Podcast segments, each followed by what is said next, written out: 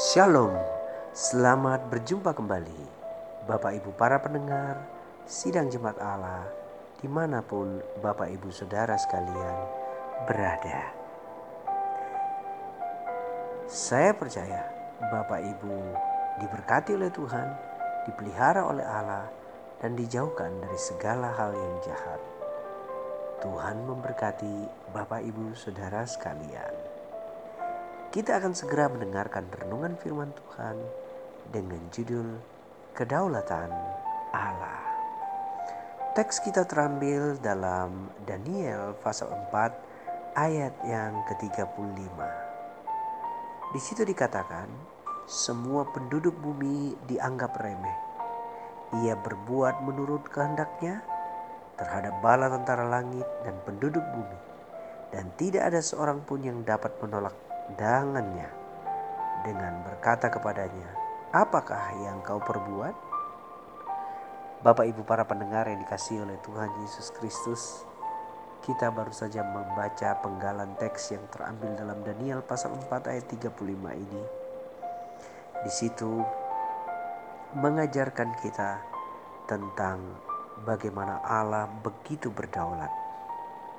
Dia memiliki kuasa melampaui akal, pikiran, dan perasaan kita, sehingga tidak seorang pun dapat berkata kepadanya, "Apakah yang kau buat?"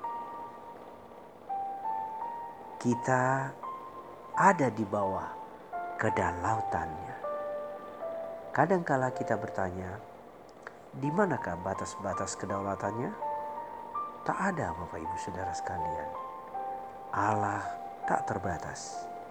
Dan tahukah Bapak Ibu bahwa kelahiran kita di dalam dunia ini ada di dalam kedaulatannya? Kita lahir dari orang tua yang tentu dipilih olehnya. Kita mungkin lahir tanpa direncanakan, tetapi keberadaan kita di dunia adalah dalam rencananya. Karena itu Bapak Ibu Saudara sekalian, saya pernah mendengar kisah tentang seorang anak di mana ia lahir dan akhirnya dibuang oleh kedua orang tuanya di sebuah kebun dan beberapa jam dia dibiarkan sampai ada orang dari desa yang ada di sekitar kebun itu datang dan menemukannya dalam kondisi yang amat menyedihkan. Anak itu dibersihkan dari kerumunan semut dan akhirnya dipelihara besar dan menjadi hamba Tuhan. Bapak Ibu para pendengar yang dikasih Tuhan, dia bisa saja lahir dan berkata kepada Tuhan, "Apa yang kau buat, Tuhan?" Papa mamaku tidak mengakui aku.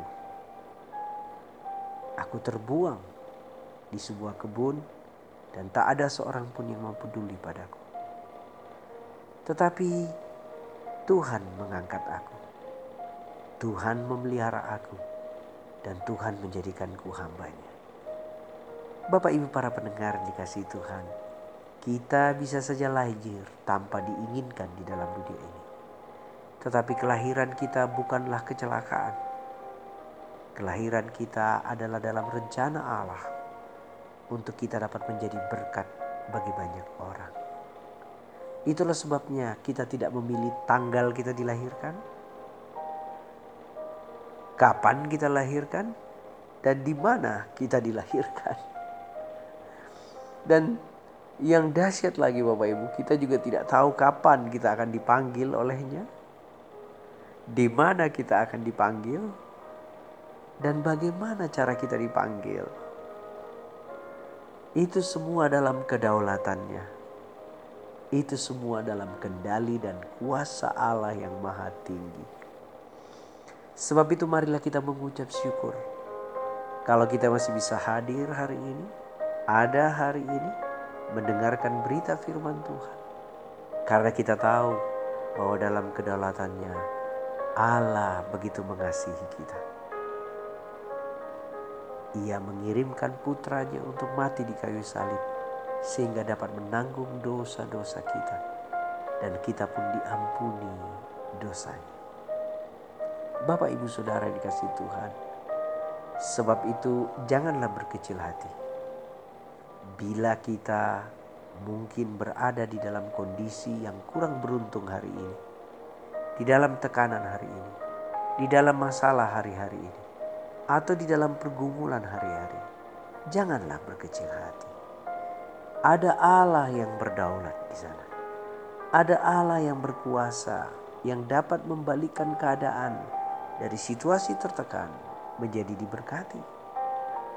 Saya teringat ketika Yusuf harus menjalani masa-masa yang berat, dibuang ke dalam sumur, dijual pada pedagang budak, dan akhirnya diperjualbelikan di pasar budak, diangkat menjadi pemimpin budak di rumah Potifar, dituduh memperkosa istri Potifar, dan akhirnya masuk ke dalam penjara dan waktu itu berlangsung antara 10 sampai 13 tahun. Bukanlah hal yang mudah bagi Yusuf yang pertama kali mendapatkan firman Tuhan bahwa Allah akan mencukupkan kebutuhannya dan menjadikan dia pemimpin atas keluarganya. Tahukah Bapak Ibu Saudara sekalian, ketika dia menafsirkan mimpi Firaun, ia langsung diangkat menjadi seorang Perdana Menteri. Kata-kata Yusuf yang luar biasa ketika dia bertemu saudara-saudaranya adalah, "Kamu memang mereka-rekakan hal yang jahat padaku, tetapi Allah telah mereka-rekanya untuk kebaikan demi menjamin suatu bangsa." Jadi, Bapak, Ibu, saudara yang dikasih Tuhan, mungkin kita merasa jalan hidup kita seolah-olah terpuruk, tidak ada jalan keluar, penuh tekanan, penuh masalah, dan pintu seolah-olah sudah tertutup. Pandanglah ke atas, lihatlah bahwa masih ada Allah yang berdaulat, Allah yang berkuasa, Allah yang menguasai segala sesuatu. Ia berbuat menurut kehendaknya, kata Alkitab. Dan tidak ada seorang pun dapat menolak tangannya. Luar biasa. Ada dua poin yang kita bisa mengerti di sini. Yang pertama, ia berbuat menurut kehendaknya. Jadi apa pun yang menjadi kehendaknya, itulah yang dinyatakan. Karena dia Allah yang berdaulat. Dan yang kedua, tidak seorang pun bisa menolak tangan Tuhan ketika tangan Tuhan itu bekerja atas hidupan seseorang. Karena itu Bapak Ibu Saudara, kalau kita tahu bahwa ada Allah yang berdaulat di sana, kita dikuatkan kita diteguhkan bahwa Allah yang berdaulat itu telah mengirimkan putranya untuk mati di kayu salib sehingga segala penyakit, pergumulan, tekanan kita ditanggungnya. Ia akan menyertai kita melewati kesulitan, tekanan, dan beban yang berat. Dan ia juga ada ketika kita mengalami kemenangan, kemerdekaan, dan bahkan kemakmuran. Bapak, Ibu, Saudara yang dikasih Tuhan, ketika Bapak Ibu dalam keadaan kondisi yang lemah ini, ingatlah bahwa masih ada Allah yang berdaulat.